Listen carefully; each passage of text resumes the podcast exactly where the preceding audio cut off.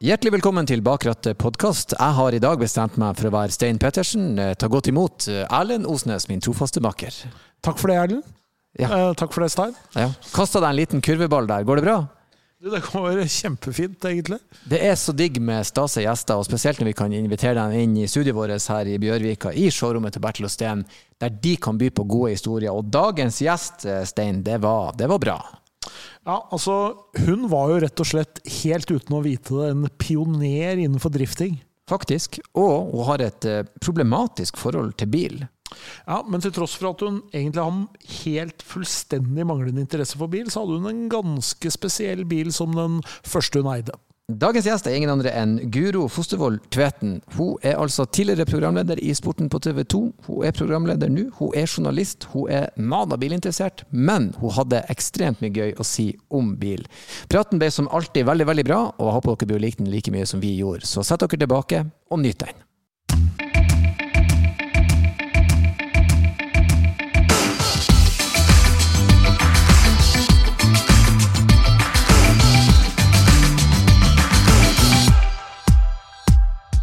Og atter en gang så var vi på plass i studio her hos Bertelsen Bertil Steen sitt showroom i Bjørvika med atter en gjest. Og vi er riktig heldige i dag, så har fint, fint besøk. Hjertelig velkommen, Guro Fostervoll Tvetten. Hjertelig takk. Ja, Så hyggelig å være her. Du, eh, på å si, jeg først, jeg syns alltid det er hyggelig når folk vil komme og besøke oss her og snakke om bil. Absolutt. Absolutt. Vi Mitt favorittema. Eh, Ditt favorittema, ja. Jeg tenkte jeg skulle si det. Altså, for å plassere deg litt for, eh, for eh, lytterne våre, så er du programleder og journalist. Eh, Jobba i mange år i TV 2-sporten. Så du er glad i sport, men som vi har skjønt, ikke veldig interessert i bil. Nei, altså bil er mer sånn nødvendig onde i, i mitt liv. Noe som kan ta meg fra A til Å. Og eh, alle som kjenner meg, de vet at jeg har et særdeles eh, komplisert forhold til det å kjøre bil. Oi! Ok, det føler jeg vi må snakke litt mer Dette om. må graves uh, Dette må vi grave litt i. Men uh, for jeg synes det var gøy, for vi ringtes jo litt i går og hadde en sånn kjapp liten prat. Og da fortalte du meg at du, siden du visste du skulle hit, så måtte du sjekke hvilken bil dere hadde. Ja. ja det, det, det er på en måte startpunktet. Ja. Eh, Det er helt riktig. Altså, jeg, jeg er ikke så veldig opptatt av bil, har egentlig aldri vært det. Jeg kommer, eh, er datter av en far som er ekstremt bilinteressert eh, på det teoretiske plan. Liksom. Les alle bilblad og sånn, men, men det eplet her, det, Ja. det trilla meget langt. Langt fra stammen. Ja, Men du fant ut hvilken bil dere kjører nå? ja det fant jeg ut. Ja, En Volvo Eh, XC90. XC90. Ja. Det var Og det visste jo Erlend, så du Ja, kunne og- bare spurt han. men, men jeg visste at det var en Volvo. Altså, jeg er jo ikke totalt lost in space, men jeg visste ikke hvilken Volvo. Mm. Ja. Men jeg, jeg, jeg syns det er interessant også å begynne med at du har et komplisert forhold til å kjøre bil. Ja, altså eh, Jeg veit egentlig ikke helt eh, hvordan det er oppstått, men ehm, eh, Jeg kan jo bare illustrere det med at faren min i en lang periode nekta å sitte på meg når jeg kjørte. Eh, For at han eh, t- følte nærmest at livet hans var i, i fare, fra han satte seg inn til vi eh, endte der vi gjorde. Og jeg, jeg, har, eh, jeg har hatt veldig komplisert forhold til det å kjøre på motorvei, f.eks. Eh, Jeg syns det har vært helt eh, forferdelig, og jeg har sittet inne i bilen For vi, vi flytta jo hjem fra først Spania til Danmark, og fra Danmark hjem til Norge. Og jeg har på en måte eh, klart meg sånn noenlunde både i eh, Spania og i Danmark med å kjøre bil, for jeg liksom Vi har omtrent tatt på en L i bakruta, så har Håvard kjørt med dem eh, distansene som det er nødvendig for meg å kunne kjøre, da, for å kunne ha et fullverdig liv. Eh, og så når vi kom til Oslo, så var det jo veldig mye å forholde seg til med denne motorveien og, og fletting og inn og ut og sånn, så jeg hadde jo eh, jeg kom jo helt sånn forpusta og helt rød i toppen med, med tårene som bare sto ut av hodet mitt den første gangen jeg kjørte ut på motorveien. For da, da, da satt jeg bare i bilen og sa og følte alle kjørte på meg fra begge sider, og, og det, det var helt forferdelig. Så da måtte jeg rett og slett i på øvelseskjøring med Håvard eh, på motorveien. Ja. Ja. Ta det, rett og slett begynne på basic igjen. Ja, og, og jeg er veldig opptatt av at det, det her er jo ofte liksom koketteri som jenter. Liksom, 'Å, jeg er så dårlig på å kjøre', og 'Å, jeg kan ikke lukeparkere', og sånn. Men i, i mitt tilfelle så er det en helt reell eh, ting som har vært supervanskelig. Så det har vært, eh, det har vært f.eks. sånn at når barna mine skulle på bortekamp, så har jeg er veldig motstander av å lyve, men da har jeg eh, ljugd, så det har rent av meg. Da har jeg sagt sånn type Vet du hva, vi har litt problemer med bilsituasjonen i dag. Eh, kan jeg og Daniel sitte på med noen? Ja. kun for å slippe å kjøre ut på motorveien og inn til Korsvoll, eller gudene veit hvor vi skulle spille bortekamp. da. Eh, Så på et tidspunkt så sa Håvard vet du hva, nå syns jeg faktisk at du skal være litt ærlig med de der andre foreldrene, for det blir jo litt sånn rart at vi alltid har problemer med bilen. Eh, Så da måtte jeg rett og slett si at eh, folkens, det er egentlig ikke det at bilen At vi har så innmari dårlig bil. Det er rett og slett det at bilen har en dårlig sjåfør. Og jeg er veldig redd for å kjøre bil. Eh, så det er derfor jeg driver og spør hele tida om jeg kan få sitte på med sønnen min. Men hvordan ble det etter øvelse? Har du, kjører du bilen? Nå ble det bedre? Og det, det er det som er så bra. Det her er jo, det her er jo eksponeringsterapi Ja. i praksis. Ja. Eh, For det som skjedde, det var at jeg, jeg, fant ut at jeg kan ikke leve livet mitt på den måten her. Mm. Jeg kan faktisk ikke la være Altså, jeg kan ikke eh, si nei til avtaler og sånt fordi at det ville ta meg to og en halv time i buss og trikk og skifte til T-bane for å komme med et sted. Jeg må kunne kjøre den bilen. Så da eh, rett og slett eh, så jeg eh, problemet i hvitøyet og, og tok bilen. Og først begynte jeg å kjøre liksom små eh, distanser. Eh, og etter hvert eh, Nå, har jeg faktisk, nå er jeg der i prosessen, da, eh, der jeg faktisk kan kjøre bilen eh, til Oslo hvis jeg Ikke ned i sentrum, da får jeg panikk. Eh, men eh, rundt omkring liksom i Stor-Oslo da, kan jeg faktisk kjøre bilen og tilbake igjen. Eh, men eh, det koster bitte lite grann fortsatt. Men jeg er i, i stigende utvikling. kjempe, kjempebra. Jeg, må, jeg, må, jeg tror ikke du skal skamme deg over det. Jeg får også panikk her i Oslo. Jeg får du panikk? Ja, jeg har prøvd så to ganger, hyggelig å høre. og jeg skal aldri mer inn hit. Nei. Det var et, et helvete, for å være ærlig. Jeg, for jeg skjønte Folk fløyta, og de er så sinte. Hva er det som skjer? Jeg, jeg, jeg, kan ikke jeg forklare dere at jeg prøver å finne frem? Ja. Dette hjelper ikke. Så Og hvis du legger på eh, da, parkering Mm. eh, på et lite frimerke, som, som du, bare, du bare ser at Ja, men det her kommer ikke til å kunne gå. Ja. Eh, så jeg driver fortsatt på Jeg er fortsatt så barnslig at hvis jeg må lukeparkere, da, for den eneste måten Mm. eh, Da ringer jeg for det første så ringer jeg til Håvard, og han kan jo være opptatt med helt andre, mer, langt mer viktige ting. Mm. Eh, og da må han bli med meg i lukeparkering. Det, det høres jo helt åndssvakt ut. Eh, og han ser jo ikke hva, hva jeg holder på med engang. Det er bare at jeg må ha litt sånn støtte, moralsk støtte for å komme inn i den luka. Og da sender jeg bildet til alle som kjenner meg, hvis den lukeparkeringa ser bra ut, da. Men det, Jeg blir så stolt. det skal man være stolt av, Stein. Det har vi bare slått fast flere ganger her i podkasten. Ei bra lukeparkering må deles. Så er det klart, når du har valgt en såpass liten og nettbil og lukeparkere med i Oslo, da, så er det jo så er det en smal sak sånn sett. Ja, nei, jeg forbanner meg over den bilen hver gang jeg skal parkere noe som helst sted. Og jeg bør egentlig ha en liksom fotballbane hvis jeg skal lukeparkere.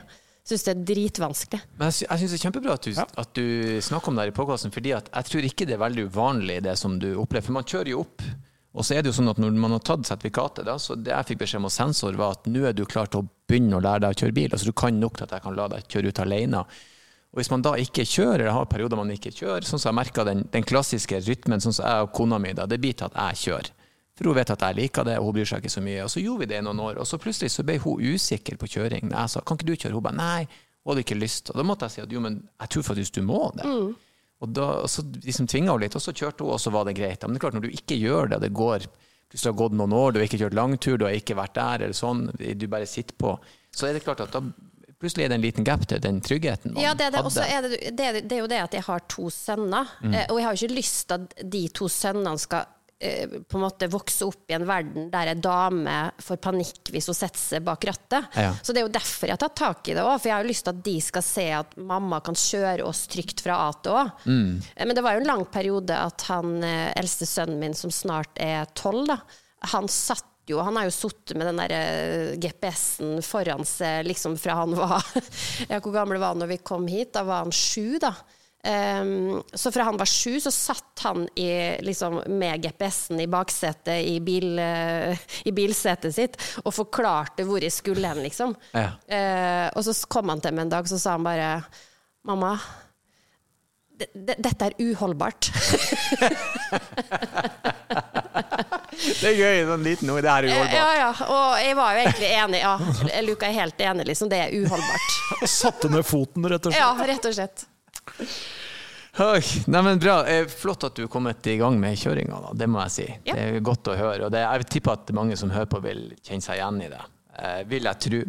Eh, eh, vi, vi raser litt ut her, men vi, og vi har vært innom det. Du er ikke akkurat et bensinhue, du er ikke veldig opptatt av bil. Men du tok lappen.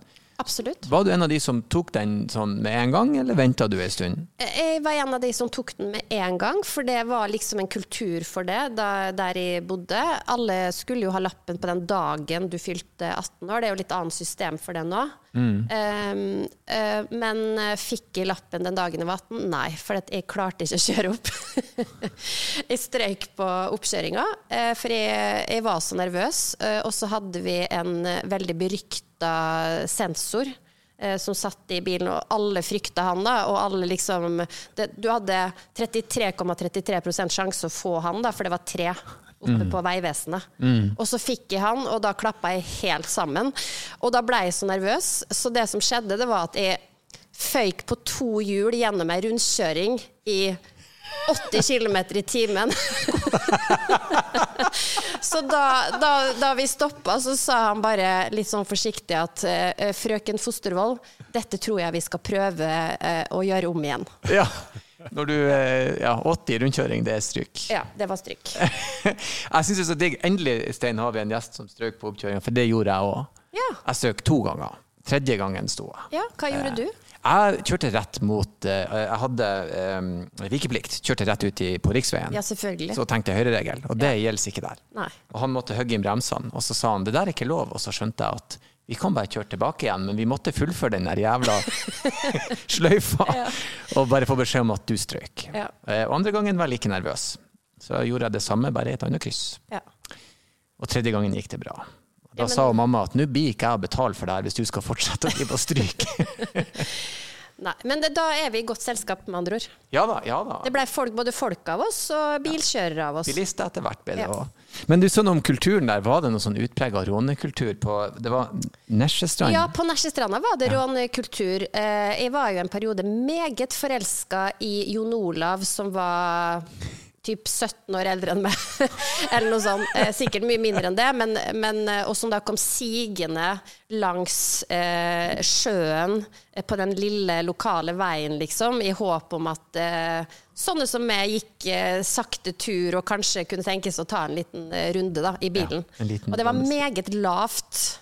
Eh, Du satt meget lavt i den eh, bilen, Mm. så det var jo, og det var jo veldig bra, for jeg var livredd for at mora og faren min skulle se at jeg satt på med Jon Olav, eh, 17 år eldre, i en rånebil. Eh, Foreldrene mine var jo lærere, ordentlige folk, og eh, hadde jo litt sånn ting å svare for i bygda, så, så jeg, lå, jeg lå sikkert lavere enn de fleste i den bilen. Men det, det er gøy, det er sånn klassisk råne Det der er mange i altså, i, Norge består jo av en lang rekke bygder, og denne kulturen tror jeg er det stort sett det samme. overalt. Skulle være lavt, skulle nærmest ligge og kjøre bil. Setet helt bak. Og, og veldig den derre schwungen når du tok rattet rundt. Så liksom, du, du hadde flat hånd på Ja. rattet og bare svingte Ikke hele ti på fire her i går, når var det liksom ei hånd Ja. La oss rulle det rundt. La, la oss rulle rattet. Ja. Ja. Ti på fire, Erlend? ja, kvart på fire. Kvart på tre? Ti på fire. på tre? Ja. Ti på to pleier vi å si, men eh, det går bra, det. Jeg jeg er mer på ti på fire. da. Nå sitter vi og prøver her. Nei, men den ene handa husker jeg, den rånekulturen var, var stort. Men det var liksom en del av motivasjonen for å ta lappen. Den skulle liksom bare tas. Den Ja, den skulle, bare, den skulle bare tas hvis du skulle liksom uh, ut i verden og, og få et, eh, et, eh, et godt liv, så måtte du ha lappen. Nå hadde du tilgang på bil når du tok lappen? Eh, Ja, da hadde jeg tilgang på eh, min eh, foreldres Monde Ford Mondeo, eh, lilla eh, Ford Mondeo. Eh, og det første som skjedde, det var at jeg skulle prøve å Jeg skulle prøve å kjøre den bilen, ja, ut Nei, eh, jo, jeg skulle kjøre eh, bilen eh, i, gjennom et sånt parkeringsanlegg. Eh, og det hadde jeg jo aldri lært på den der eh, kjøreskolen. Eh, så alle sånne ting som var helt nytt, der stilte jeg fullstendig blank. så da, da, fikk, da ble det en skramme, da. Starta med å skrape opp bilen, Jeg starta med å skramme opp bilen, ja. Så faren min, han han var jo litt sånn Han hadde alltid en liten sånn prat med meg før jeg skulle Han var ekstremt positiv, for jeg fikk alltid låne bilen, men han var alltid litt sånn ja, Guro, nå er det jo viktig da at uh, hvis du skal parkere, så er det viktig å se både til høyre og venstre. Ja. Så uh, ja da. Men han, han var veldig sånn bilinteressert. Prega det oppveksten på noen måte? Hadde mye forskjellige biler? Var det noen spesielt kule biler? eller Nei, for at han var en sånn bilfyr som levde bilinteressen sin gjennom å lese om det. Så han kunne absolutt alt om alle biler og alle nye teknologier og eh, bilmesser i Er det Köln? Ja. ja. Eh, eller i Tyskland. Eh, ja, han, han bare kunne alt. Eh, og ingen av brødrene mine har heller blitt noe bilinteressert, så han eh, ja, han har vært en ensom svane i så måte. Eh, Brukte dere å dra på sånn bilferie, den slags type ting? Ja, vi reiste på bilferie fra Nesjestranda, da, som er i Molde kommune, eh, ned til mine besteforeldre i Tønsberg hver sommer. Hver sommer, ja. Det Ja. sånn fast. Og da hadde vi stasjonsvogn eh, og um, Peugeot st- stasjonsvogn. Ja. 507. Ah, Nei, i hvert fall ikke det. Men eh, Den var kanskje hvit. Det er alt jeg kan hvite. si. 405, Ja. kanskje. Ja, kanskje på den, 405. eh, vi er på 80-tallet en gang. 90. Nei, åtte, ja, 80, nei, vi er nå vel på, vi Vi er er nå ikke vel på på 70 70- Og vi er på 80-tallet. 70-tallet. Ja, ja. 504. Mm, 504 kan høres kjent ut, ja. Mm. Eh, stasjonsvogn, og da lå eh, lillebroren min Han lå da i eh, eh, setet. Eh, der, altså barn, der barna egentlig skal sitte. Der lå han over eh, med da full eh, oppakning inntil setene foran, der foreldrene mine satt. For vi kjørte alltid på natta, Ja. må vite. ja. Eh, og jeg og broren min lå da i altså det store hullet bak. Eh, hva heter det? Bagasjerom. Bagasjerom. Ja, der lå vi eh, med dyna og en pose smågodt fra fergekaia på eh, Sølvsnes. ja. Eh, og en periode så hadde vi også en bokser, ja, i flere år for øvrig. Og da var det jo gitter, for da hadde vi en Peugeot som hadde sånn gitter fordi vi skulle spare litt penger. Hvis du kjøpte sånn va- vare, vareanordning, så var det litt billigere. Ja. Så da var vi fy... Altså da, jeg, jeg fatter ikke at vi kunne holde på på den måten, for det her var jo på den tida en kjøretur på eh, typ åtte timer, liksom. Ja, For du kjøper med toseter og gitter, så liksom varebilanordning. Så da var ungene bak i vare, Ja, ja, ja, ja, ja da, lå vi, da lå vi der med hund, og eh, absolutt ikke helt etter dagens uh, standard. Nei, Det var litt løsere, vi har prata om det før òg, men det Ja. var jo altså det var jo ikke noe, var ikke noe krav til setebelter eller seter eller noe sånt bak i det varerommet. Hvis du hadde, en, hvis du hadde en, eh, en sånn bil, så kunne du kjøre inntil åtte personer da, i en sånn type varebil, bare med madrasser eller, Ja, ja, ja. eller hva som helst. Ja, Veldig det- praktisk, men eh, nok ikke helt etter dagens uh, Men det var ikke, det var ikke en varebil. Nei, Altså. Det var en, en stasjonsvogn, Ja, men ja. bare med sånn Ja, gitter. Ja.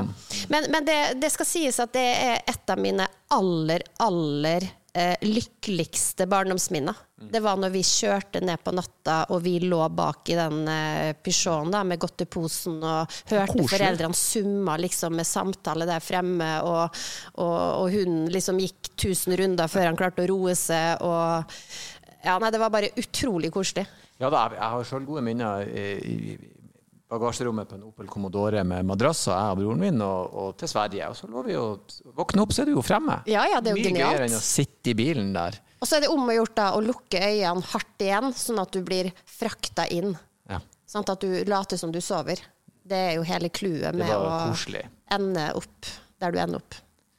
Ja da, det, men det er sagt, det er, de, de aller fleste på, på vår alder har jo det, de minnene der fra bilferier med ja, løs baki, ligger i hattehylla om så Ja, ja, ja. foreldrene gjerne røyka der fremme, og det var ikke noe harde kår.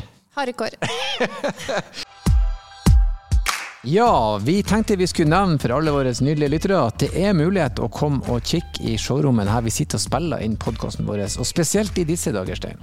Ja, nå i august og september så er jo Peugeot i showrommet til, til Bertil Osten i Bjørvika, og her er det jo litt forskjellig å se på. Ja, det er mye snadder her. Her er jo eh, kronprinsen sin 205 eh, XS utstilt, som er en bil å få med seg i seg sjøl. Ja, og så har vi jo en uh, moped fra 1939. Ja. Og den eh, var antageligvis ganske dyr da, selv om det ikke høres sånn ut i dag. Ja, 720 kroner i 1939. Da hadde du en portemonee med gullås på, for det var ikke for alle. Den er faktisk noe med det, den skvettlappen på den forskjermen der er det kuleste jeg har sett. Jeg vil ha med meg den skvettlappen hjem. Og så er jo i tillegg eh, Peugeot 2008 her, terningkast 6 i VG, og vi har eh, årets bil Peugeot 208. Og ikke minst en ordentlig godbit for de som er glad i litt sport. Ja da, vi har en Peugeot 508 PC, Peugeot Sport Engineered. Og det er jo en av de råeste hybridene som eh, ruller på veien om dagen. Så hvis du har hørt meg nevne showrommet Bjørvika mange ganger og tenkt hvor er det egentlig, så ta turen over og se på det vi har utstilt her. Her er mangt å få med seg.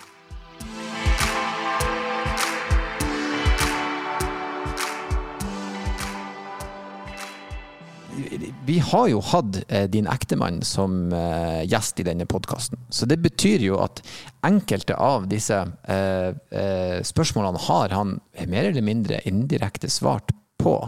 Men det er på en måte fint Stein, å få en liten faktasjekk, er det ikke det? Jeg tenker det, for jeg er ikke sikker på om hun f.eks. vet hva som er drømmebilen hans, nødvendigvis. Nei, eller hvordan han mener at han behandler bilen sin og sånne type ting. Så vi må egentlig ta det litt, ta det litt den veien. Um, hvordan ser det ut i bilen dere bruker? Er det rent og fint, eller er det Ja, altså jeg er jo gift med en uh, fyr som tar vare på tingene sine. Ja. På sånn generell basis? På generell basis. Uh, det gjelder båt, det gjelder bil, uh, og det gjelder barn og kone, for så vidt. Han tar godt vare på også. men han er nøyaktig og grundig, og Og den bilen er på en måte det er, litt, det er litt hans baby, på en måte. Det er han som velger bil, eh, det er han som eh, passer på bil. Mm. Så den bilen er i Den er ikke strigla. Altså, det, er ikke sånn støv på hjernen, eh, OCD, i det hele tatt. Men den er generelt mye bedre rengjort og holdt i stand da, enn de fleste andre biler jeg vet om. Mm. Og du bidrar ikke så mye til den uh, biten? Nei, altså jeg rekker liksom aldri å, å komme dit uh, før den er støvsugd og vaska igjen. Ja. Så uh, det sier vel litt om, om, at vi har forskjellig prioritering, ja, forskjellig prioritering og forskjellig syn på når det er nødvendig, da kanskje. Ja, for Bidrar du til å rote i bilen, vil du si det? Eh, ja, litt. Men jeg roter ikke så mye heller. Jeg er veldig påpasselig med å ta med meg mine ting ja. ut av bilen og inn i huset. Jeg tror jeg er en eh, god nøkkel eh, for et harmonisk uh, bilekteskap. Ja. ja, jeg tror det. Det, det ene utfyller det andre. Det tror jeg er en god plan. Ta med kaffekoppen ut når du har tatt med deg kaffe inn i bilen. Ja, Hvis du har en som liker å rydde bil, så la han gjøre det, da. Ja. Det, det er um, jeg tror kanskje den her vi har vært... Da får han alenetid, sant. Ja. Så han bruker det jo som alenetid. Sånn derre Å, det var dumt, nå må jeg vaske bilen, folkens. Uh. Vi er borte i tre ja, timer. Så går det tre timer der. Eh, du har på en måte eh, svart litt på det, men hva, hva bruker du bilen til? Er det rent praktisk, eller hender det at du får lyst til å bare kjøre en tur? Jeg kjører aldri en tur. Det har aldri skjedd har at, jeg aldri... Kjørt, nei, at jeg har kjørt en tur. Det har aldri skjedd i hele mitt liv. Aldri som bilist har du tenkt at Nei, aldri. Wow. Ja. Aldri tenkt tanken at Nei, jeg skulle ikke bare tatt med en biltur, da. Nei. Det har aldri skjedd. Høres veldig fremmed ut. det syns jeg Nei, men det er veldig gøy. Forfriskende. Det, ja, men har du har... Å ja da, jeg kjører tur flere ganger i uka, jeg også. Det, ja. Hva gjør du, da? Koser meg, tenker og kanskje hører på en podkast og ser ut vinduet på ting og tang. Ja. Mens jeg styrer av bilen. Jeg syns det er veldig hyggelig. Ja, nei, altså, som, som, jeg sa innledningsvis, altså klart at når, når, bilen på en måte trigger angstrefleksen. Da, da prøver du jo egentlig mest mulig å holde det unna. Ja, altså, jeg tror kanskje du hadde svart eh, på det. Men forhåpentligvis så, så, eh, så kommer du til en, en, et punkt der du tenker nei, skulle man ha kjørt seg en liten tur? Ja, vet du hva? Det, det er faktisk en bra superoppgave. Ja. Eh, jeg samler på superoppgaver i livet mitt. Det handler om at det du tenker at det skal jeg i hvert fall ikke gjøre, da må du, da må du sørge for, jo før jo heller, å få gjort det. Ja. Så det kan være en fin superoppgave at en eller annen dag i nærmeste fremtid skal sette meg i bilen og bare si nei, jeg skulle ikke bare tatt med en tur, da. Vi, vi, kan jo, vi kan jo fortelle eh, to-tre ting som vi liker med å kjøre tur, så kanskje du syns det høres ut som noe. Kanskje, eh, eh, Stein, hva liker du med å kjøre tur? Jeg liker jo bare den der følelsen av å ha kontroll, bare kjøre rundt, høre på det jeg har lyst til, kjøre hvor jeg vil, bare for å kjøre. Men eh, jeg er litt usikker på om eh, Og jeg liker jo veldig godt å kjøre bil. Jeg liker jo Jeg kan jo ta bilen og bare en av bilene og kjøre en eller annen vei som jeg syns er morsom å kjøre. En gøy vei, En ja. morsom vei, ja. Det er jo noe jeg liker. En gøy vei som betyr at du, du, du trenger ikke å kjøre fort for at det er litt utfordrende og litt spennende. Du svinger, du må planlegge kurver, sånne type ting. Jeg liker det romantiske. sånn som du, det, det, eh, Jeg er jo hjemme på det hjemmeværende da, eh, og jobber med mine egne ting. Så når kona og ungene er ute en høstdag, så liker jeg når sola høstsola er litt lavere, så du får helt andre farger. Så begynner løvet å falle. og Så kjører jeg elbil, helt stille. Og så er du nesten i naturen, og det skarpe, fine lyset og de skarpe, fine fargene. Og så kan jeg sitte og høre på noe kul musikk og bare tenke og være alene og kontrollere bilen. Og det er en veldig sånn fin, avslappende ting. Når du mestrer noe, så gjør det at hjernen din kan på sveve litt ut i andre tanker. Det er en veldig fin ting, syns jeg, da. Så, Altså, jeg føler at jeg har kommet til planeten eh, Pluto her. men, men eh, det kan kanskje være noe, en, eh, en superoppgave, ja, som du sa. godt Men for et artig konsept, superoppgave, da angriper du det du Ja. syns er litt skremmende. Ja. For at man kan jo velge her i livet å, gjøre, å, å kvitte seg med alt som kjennes ubehagelig, men Mm. det betyr jo da sannsynligvis at du aldri får oppleve noe nytt. Ja. Eh, så hvis man har lyst til å være i utvikling i livet da, og, og um, stadig vekk tenke at det fins mer her ute enn jeg har opplevd, så må man sette i gang med superoppgaver. Men kanskje kjøre utover Hurumlandet istedenfor å kjøre inn i Oslo sentrum, da. Ja, Ja, det, det, det, det er nok et godt ja. tips. Det er finere å se på naturen der, vil jeg, Ja. vil jeg tro. Eh, litt sånn eh, eh, det tekniske aspektet på bilen. Jeg tror også du har svart på det, men i- hva gjør du? Gjør, fikser du noe på bilen i det hele tatt? Nei, nei, og nå skal, jeg si, nå skal jeg si en ting, for det at eh, faren min er bilinteressert, men har ti tommeltotter. Eh, mora mi er ikke bilinteressert, har, mm, altså har veldig eh, praktisk eh, holdning til livet generelt. Så da jeg vokste opp, så tok på et tidspunkt min mor et kurs hos en bilmekaniker. Oi! For å lære seg å skifte hjul. Eh, hva, hva gjør jeg hvis jeg står liksom eh, midt imellom eh, Nesjestranda og Tønsberg, der hun egentlig er fra, da, eh, og jeg er aleine i bilen, og, og det og det skjer. Så hun, hun angrep jo det på den måten. Altså, det var jo hennes superoppgave. da. Superoppgave, ja. Ja. Eh, Så jeg har jo egentlig et veldig godt forbilde i henne, men for meg er det helt utenkelig at jeg skulle dra til en bilmekaniker og si du kan jeg gå i- på et kurs hos deg for å lære å skifte bil. Eh, Men når jeg sier det høyt nå, så er jo det egentlig bare helt forferdelige ting å si. Så jeg burde jo egentlig nettopp gjøre noe sånt for å bli tryggere. Kanskje det også hadde gjort meg tryggere i bilen, da.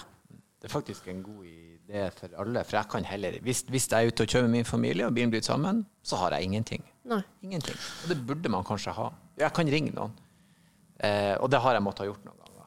Selvfølgelig. Man kan Ja. Mm. ringe veihjelp, da. Men li- lite grann, for å utvide horisonten. OK, du skal kjøre tur, jeg skal ta mekanikerkurs. Da har jeg en superoppgave, jeg òg, da. Ja. Lær meg lite grann. Ja.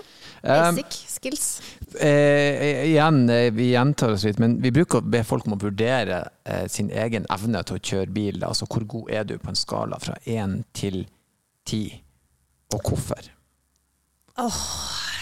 Eh, altså, jeg har ligget på en sånn eh, Jeg har ligget på en eh, treer. Eh, men nå vil jeg faktisk si, for nå har jeg kjørt såpass mye, for at jeg har virkelig hatt et genuint ønske om å bli tryggere i bilen. Da. Så nå har jeg kjørt mye mer enn jeg har gjort før. Så nå vil jeg si at jeg Kan jeg være oppe på en, en god fem pluss, da? Ja, men det er bra. Det er veldig bra. Ja da, det skal vi eh. Og så er det noe med det Jeg stoler mer på de som vurderer seg sjøl til en fem pluss, enn de som sier jeg er en tier. Ja. Vi har hatt gjester her som går rett på ti. Ja, ja, du, ja si Og det det. er kun én en av de atletene som, som kan si det, og faktisk han er racerfører, så Ja, han ja. kan si det, og det er rett. Mens, de andre, men han sa ikke det. Jeg tror de andre jeg tror En komiker sa han var en tier. Sa Håvard 10? Håvard sa ikke ti. Nei, jeg husker ikke, Men men han var ganske høyt oppe. Ja. Han, han, han, var, han la seg sjøl høyt, ja. Han var ni, ja.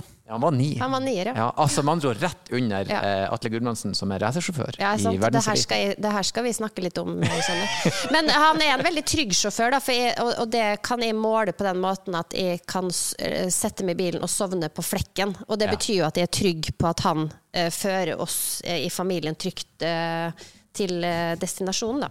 Ja.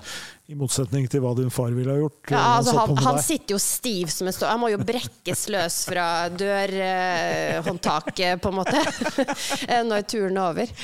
Han sa faktisk til meg nå sist at oi, nei, altså, her har det skjedd ting. Ja, så jeg er i utvikling. Fem pluss skal du si til her. Ja, fem pluss. Fem pluss. Fem pluss. Eh, vi har gjetta bilen din før, eh, så vi har funnet ut at vi skal prøve å gjette den første bilen du eide. Så det kan bli litt utfordrende for meg og Stein. Eh, jeg, jeg vil jo lene meg på Stein, da. Han Vil dere ha årstall? Ja, hvis vi gir oss ca. årstall, og, og, og så skal vi prøve å stille de riktige spørsmålene. Vi kan kanskje få årstall på bilen, eller den tida du eide bilen, som hint. Ja, så- når du eide bilen, tenker jeg. ja. Når, når fikk du din første bil? Cirka årstall? Ja, jeg fikk min første bil. Min første bil var en bil jeg eide sammen med Håvard. Eh, det var før vi skulle flytte sammen til Spania. Eh, så vi eh, kjøpte da bil sammen, og det her var i 2006. 2006. Vanskelig. Ja, Vanskelig år. Spesielt vanskelig år. Spesielt vanskelig år. Ja. Vanskelig år. Da har vi Prøve å legge lista litt lavere. ja, kun fossilbiler å velge i. Ja. OK, jeg kan, jeg kan, jeg kan begynne. Eh, var det en, en sånn stor type SUV, eller en mindre sånn En mindre bil. Mindre eh, da med, med, med assosiasjonsvogn eller, eller sedan? Er sedat Er det en vanlig personbil? Sedan er bare en vanlig personbil, ja. Ja. En kombi, da, hvis han er mer sånn som den som står her, f.eks. Ja, men, men, men det var ikke en sånn stor SUV, nei. Det var en, eh, en eh, personbil. Ja, OK. Uh, ja. ja, Stein? Skal vi Skal vi gå rett for å prøve å finne ut hvilket kontinent vi befinner oss på? Var det en europeisk, tysk Nei, Jo, jo, jo! jo, jo, jo, europeisk. jo okay. Altså Ja, europeisk. europeisk. Ja. Fransk, kanskje? Eller? Eh, nei. Nei. Tysk, med andre ord. Nei. Oi. Oi, her brant vi unna. da dro unna. Nå må du spørre litt. Ikke jeg må- Men det er greit, det, altså. Men da er vi ja, For det var kanskje rett og slett en Ja, kjør du, Erlend. Ja, ikke en tysker, ikke en franskmann, men en europeer. Eh, da kan det være en Ford, eh, og det kan være en eh, Ja, Forden er vel tysk? Ja, han er, Ja, han er tysk. Europeisk, tysk. Europeisk Ford er tysk. Det kan være, det kan være Saab, det kan være Volvo. Så er det enten svensk eller italiensk. Ja. Ja, hva går dere for? Det der, det var en, eh, det var en eh, spansk Ja, vi skulle, vi skulle flytte sammen i Spania. Spania. Men vi kjøpte bilen i Spania? Nei, vi kjøpte den i Norge. Ja, kjøpte bil her, ja. Ja. Eh, da tipper jeg det eh, Ja, var det en svensk bil? Ja. Da har vi brent noen spørsmål, men vi vet at det er en svenske. Og da er vi jo nede på Saab eller på Volvo. Ja, Det er bra, bra resonnert, Erlend. Nå Det er er du god. ikke så veldig mange å velge i. Nei, det er ikke det. Eh, for hvis, men her er ikke sant, for Håvard er jo bilinteressert, og Saab har jo alltid vært en sånn bilførernes bil. sant? Hvis du får vel, så går du jo for en, en 95 Ero fremfor ei traust herregårdsvogn. Um, men så er spørsmålet hvilke sedaner hadde de? Ja, hvis det var en sedan, det- vet vi ikke. Altså med, med Guros eh, forhold til bil, så kan det ha vært eh, så er det en personbil. Og det, jeg føler at det er et ganske vidt begrep. Da. Det, det. kan ha vært en Volvo veldig- Det er en bil, folkens! Ja. Volvo 850 kunne ha vært, eksempel. Kom ikke den i Så svær, da. Jeg tror ikke det, altså. Jeg tror ikke han var så stor. Hadde ikke inntrykk av det når vi har snakket om det. Tenk da at vi, altså, vi kjøper en bil, Mm. og vi vet at vi skal bruke den i Spania. Ja. Den kabriolet? Nemlig. Ah, en eh, Ja, men var det had, eh, å, Ja, det er en V, sånn eh, S70 kabriolet. Det er en Volvo. Volvo Coupé Cabriolet, er det. Den C70. C70, unnskyld. Ja. Ja. Ja, nå svarer jeg ja, Ja, og ja, håper at jeg har rett. Men det var en sånn, var sånn hard eh, ja. som kunne legges eh, Ja. ned. Ja. Denne snakket jo Håvard om, Det er det, du det være husker han nevnte. Det må være så ærlig å innrømme Ja, en C70. Okay, Men den tar vi i fjæra vår, i, Ja. i rett i hatten. En C70 Coupé. Men eh, var ikke det en gøy bil? Det var kjempegøy. Altså, det er jo det gøyeste året i mitt liv. Ja. Det var da jeg og Håvard Vi bodde jo i Rioja, Mm. eh, som er et vindistrikt oppe i Nord-Spania. Veldig lite turisme. eh, Og hadde altså eh, Ja, det var første gangen vi bodde sammen. Da. Jeg hadde et års permisjon fra TV 2-sporten. Hadde det altså så gøy. Og apropos da det å ta bilen og kjøre rundt på tur. Det gjorde vi jo masse. Eh, og så lenge han kunne kjøre bilen, så hadde Jeg, jeg elsker jo å kjøre bil med han, for da kan ikke han gå noe sted, så jeg kan prate på inn- og utpust og spørre om alt jeg lurer på. Så det var jo helt fantastisk, ja. Ja, for det, det, må, det kan jeg se for meg, men da har du en veldig sånn romantisk utgave av det å kjøre bil. Er fint vær, og det er liksom eh, kjæreste, og det er nedslått tak, og Ja, det er ja, og piknikkurv i baksetet, eller det lille baksetet som var i den bilen, da. Så det var, det var storarta. Perfekt, egentlig. Perfekt sted å starte med å eie sin egen bil. Da. Ja. Ja, det er ikke dårlig når liksom første bilen du er med og eier, det er liksom en C70 P. Da. Det er, og det er vel noe med det finere Volvo har laga pre-Kina-overtagelsen. De er faktisk blitt finere etter det. Ja. Jeg syns den bilen dere har nå er meget fin, den XC90. Jeg vil nok tro at de var blant de yngre eierne av en sånn bil. Det tror jeg nok. Ja. Ja. Men jeg syns den, den var veldig eh, fin. Og jeg husker eh, Håvard han skulle gjøre et eller annet for noen, så han måtte ta et bilde av denne bilen. Så da kjørte vi liksom opp i vinmarka med bilen. Det var strålende vær. Den var selvfølgelig nyvaska, for det sørger jo Håvard da for. Grundig som han er. Og så liksom tok vi bilde av denne bilen, da. Eh, liksom der det var sånn, den var svart. Sånn, ja, det var et veldig flott bilde. Sånn tidlig influenserarbeid. Veldig tidlig influenserarbeid med Volvoen. Før Facebook. Da var Facebook. rett på influenseren. Ja.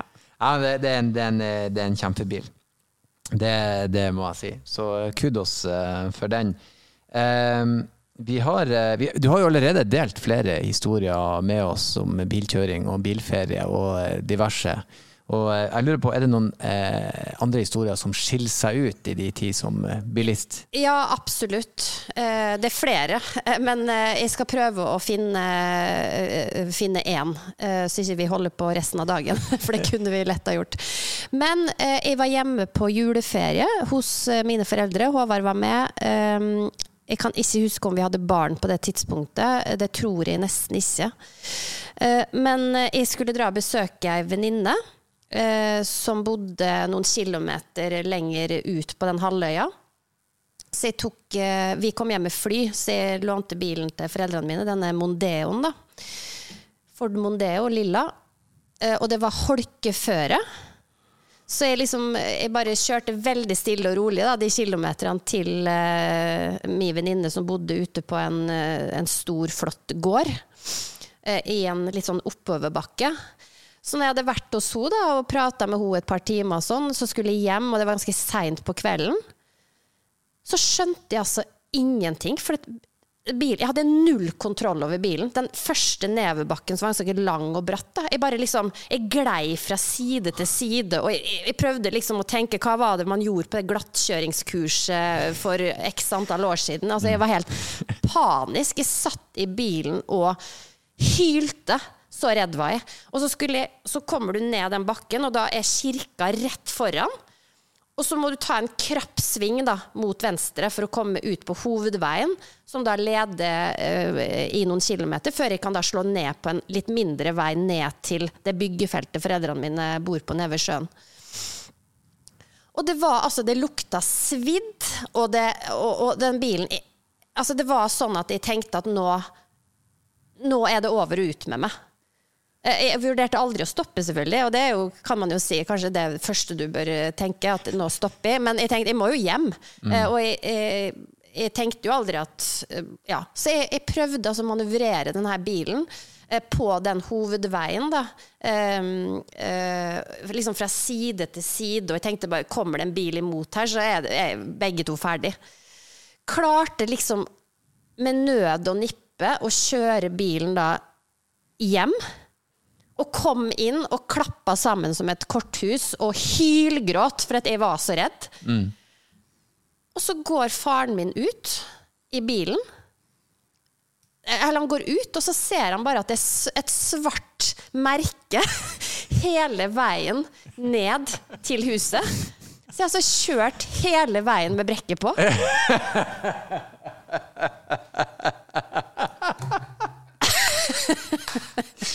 Åh, det er så, du har slengt hele veien. Ja, altså, jeg, jeg skjønte ingenting, og jeg, jeg kunne ikke forstå liksom at eh, Og, og det skal sies, for da, da bodde jo i, vi bodde jo i Spania, og vi hadde automatgir.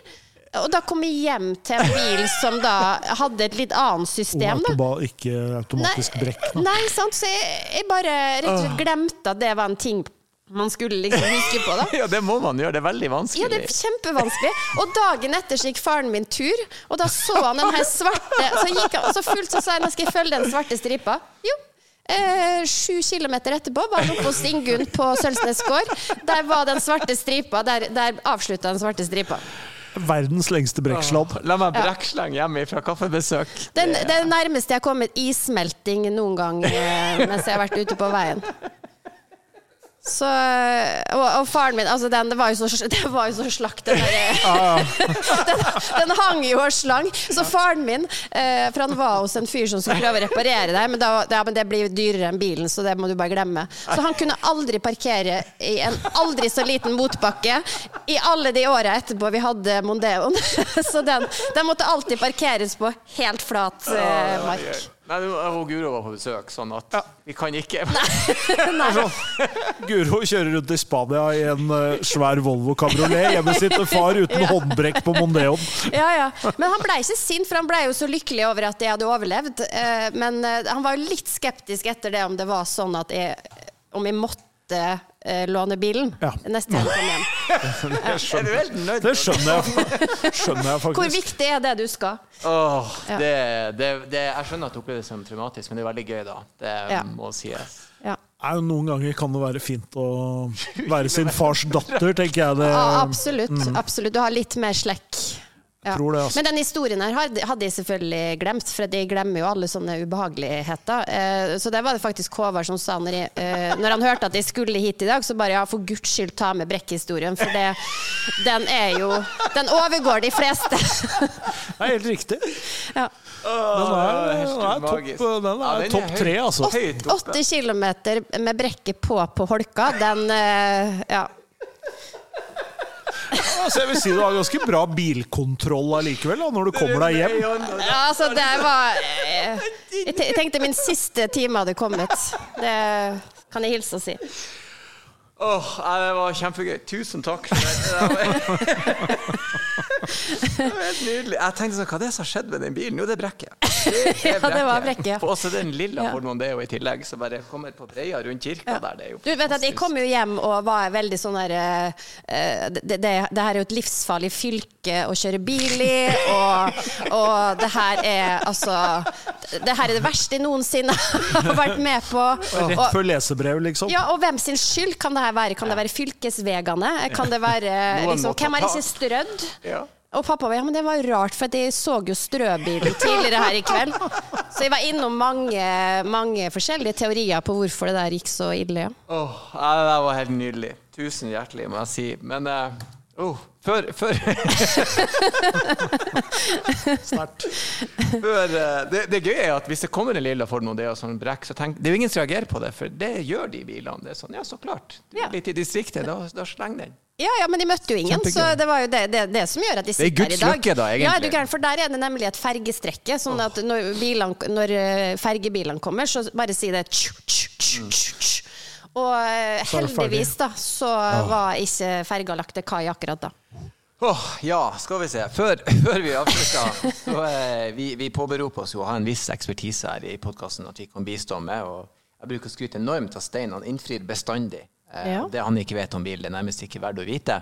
Så hvis du har et bilproblem eller utfordring eller noe du lurer på, så er dette tidspunktet å, å stille. Så skal vi prøve å hjelpe etter, etter beste evne. Um, ja, altså Nå har jeg jo lagt lista, så dere skjønner jo det at her kan jo hva som helst komme. Men altså Håvard han irriteres jo veldig over meg, da, for han mener at når man får ny bil, da er det ens plikt å sette seg inn i alle de her tingene man skal uh, trykke på og, og sånn. Og jeg, jeg mener at uh, enhver bil skal være så intuitiv at du skal slippe å sette det inn i bilen. Så der er, har vi liksom ramla ned på hvert vårt eh, sted. Da. Eh, og det irriterer meg noe helt sinnssykt at eh, her om dagen det var steikende sol, og, og vindusviskeren bak gikk. Og jeg fikk den ikke av igjen. Mm. og da må man jo ringe hjem da, til den som har kjøpt bilen og si du, jeg, jeg, jeg kjører rundt i 30 varmegrader med vindusviskeren på, hvordan kan jeg få den av?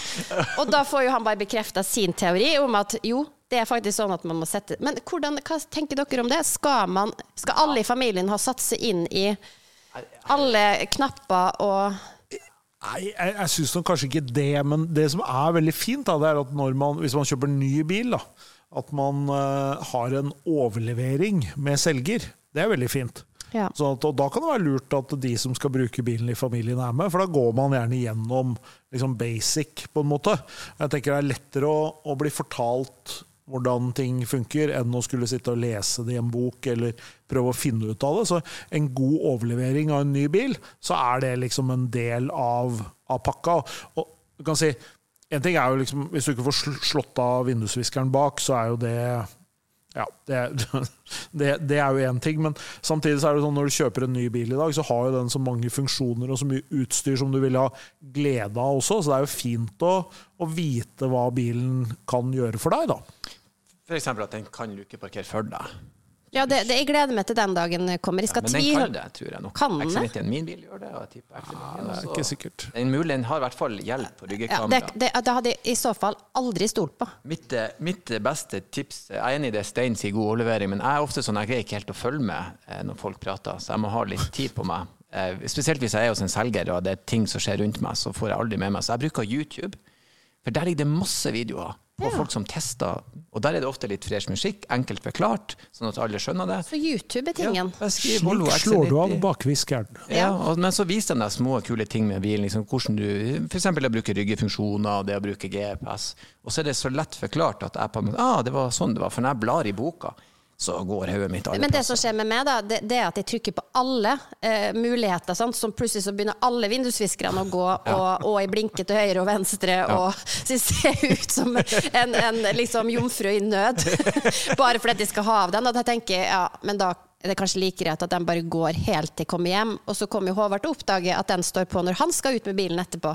Jeg, har, jeg, er litt lat der. Altså. Jeg må innrømme det at jeg har en litt sånn sløv holdning til det med duppeditter. jeg er litt sånn inside på mannfolk. Mannfolk vil gjerne si sånn her Åh, du meg med det her? Men vi blir litt glad når kona vår er oss. Og det, vet du hva, det, så du det var forsterker god- han litt. Takk for den Så han blir glad med ja, og, og Guro trenger meg, tenker han. Ja, ja. for kona mi hun, hun ringer meg på alt mulig og sånn. Og Ja. da jeg, jeg blir litt sånn Å, ringer du meg nå? Så er jeg sånn Ja, hun må ha meg. Ja, spiller sant. en rolle. Ja. Så ikke, ikke bli for eh, Ikke bli for selvstendig. Nei, nei. Altså, Nei, det, du blir det nok lett, men la han eh, det er ingen fare, for å si det sånn.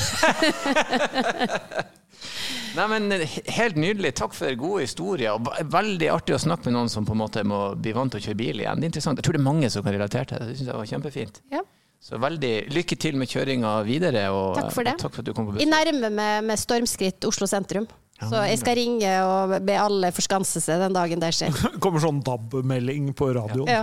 ja. Følg med. Men, med. og, og lykke til med superoppgaven, og så får du si fra hvis du plutselig begynner å kjøre tur og elsker det. Takk det vil for vi det. gjerne høre om. Så takk for besøket, og så avslutter jeg som alltid med å si kjør pent.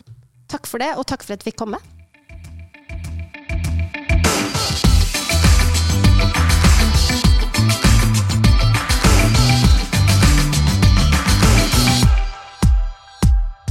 Og helt på slutten så kommer jeg inn med noen siste ord, folkens. Vi håper dere likte episoden, og hvis du har spørsmål til oss du vil vi skal ta opp med vår gjest, eller om du har gjester du vil vi skal ha, eller du bare vil gi oss ris eller ros, så send det endelig inn til bakrattet.bos.no. Det var bakrattet.bos.no. Tusen takk for at dere lytta.